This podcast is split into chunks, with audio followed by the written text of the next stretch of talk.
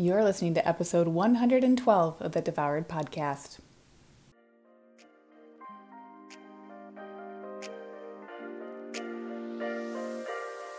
Welcome to Devoured, the podcast for women ready to release the title of Dieter for Good. I'm your host, Lucia Hawley, and I'm a certified nutritional therapy practitioner with my master's in social work, clinical mental health.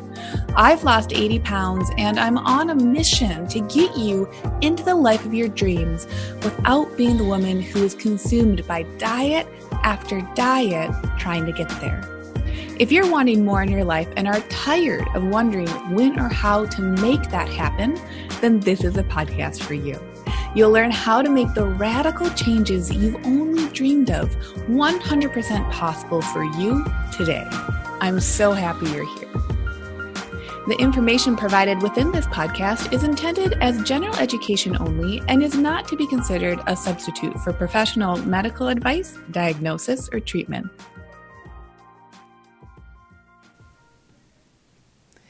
Being literally stuck, being figuratively stuck are different. Being emotionally stuck, being spiritually stuck, being physically stuck are different. So, why do they often all feel the same?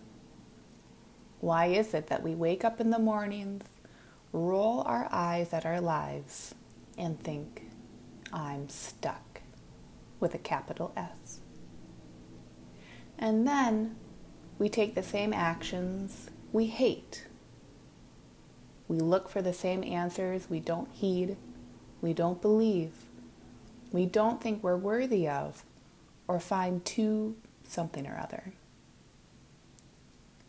And we then reinforce the intangible of our stuckness. I'll tell you, the last time I was physically, literally stuck, I was in a Target dressing room in a sports bra. I could damn this small chest and these broad shoulders for the error in my attempt at sizing myself. but even then, I was not physically or literally stuck. I got out. But I remember the panic I felt. Oh my God! Do I have to Gumby my way to the changing room assistant and get a third hand here? Or maybe can I power through this? Then I thought, why do sports bras always do this to me? Why don't I just have a normal body? No one else could possibly have these same issues. I'm thinking all these thoughts as my face is turning red, as I both laugh at myself and feel a twinge of self pity, all as I brainstorm, oh, how to not experience this again. Our brains love for us to believe that we're stuck. Whether that's a story given to us by someone else, well, that's for you to uncover and decide. But I think the stuckness can often be a combination platter of two realities. Number one, you believe in stuckness. And number two, you are alone. Most often than not, we want to take actions for others. And this makes sense, right? Why not? We're social creatures, we've developed in community. And so, in these extended corona times, I've got to get curious if this feeling of stuckness is really rubbing up against the truths of you are alone and the not so truths of you are alone. And so, in this episode, Instead of doing any problem solving for anyone, I want you all to come back to Byron Katie's work. Now, I actually mentioned her work probably about 50 episodes ago, a year ago. If you haven't read her book yet, it's called Loving What Is, and now is a great time. There's no better time than the present. It's short, it's powerful. It's one of those that reaffirmed all of my life choices when I read it shortly after moving here to Portland a few years ago right around the time of the Gumby Target dressing room sports bra incident. She put words to ideas I had only touched intangibly. And I really want you to take the following four questions seriously. If you notice that there is a theme in your life right now of being stuck, of stuckness, of feeling that this thought that you're thinking about yourself is the truth and the only truth, and that there's no way to become curious about how to unstick the stuck, how to shift or pivot or move through or break through or break down or break around, I need you to ask yourself these questions. So here they are. They're on her site. They're free. You can just type in Byron Katie into ye old Goog's machine or whichever one you use these days. Go try them this week. Yeah.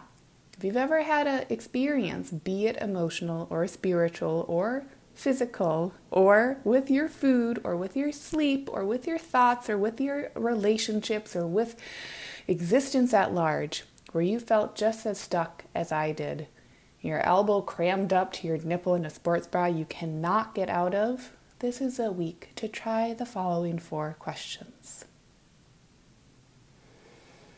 Number one, is it true?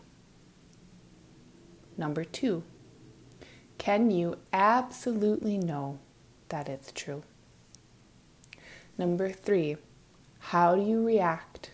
What happens when you believe that thought? And number four, who would you be without that thought? I want you to try those questions out around the thought that you're having about your stuckness this week. Try them. Here they are one more time. Think of the situation, the thought, the feeling, the thing that keeps happening or keeps not happening, or your loneliness or your overwhelm. Number one, is it true? Number two, can you absolutely know that it's true? Number three, how do you react and what happens when you believe that thought? And number four, who would you be without that thought? Try them because I'll say right here, right now, thank God for tiny sports bras.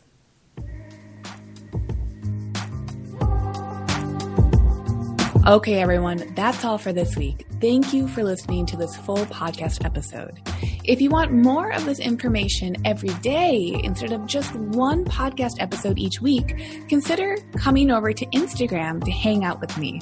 I'm Lucia Hawley underscore over there. That's L U C I A H A W L E Y underscore. And one more thing before this episode ends please consider leaving a review of Devoured on iTunes so we can keep spreading the word. And together we can offer this free education, empowerment, and liberatory nutrition principles that will change more lives. If you're someone who likes to empower other people, then please consider sharing this podcast with friends and family. And by leaving a review, it makes a world of difference.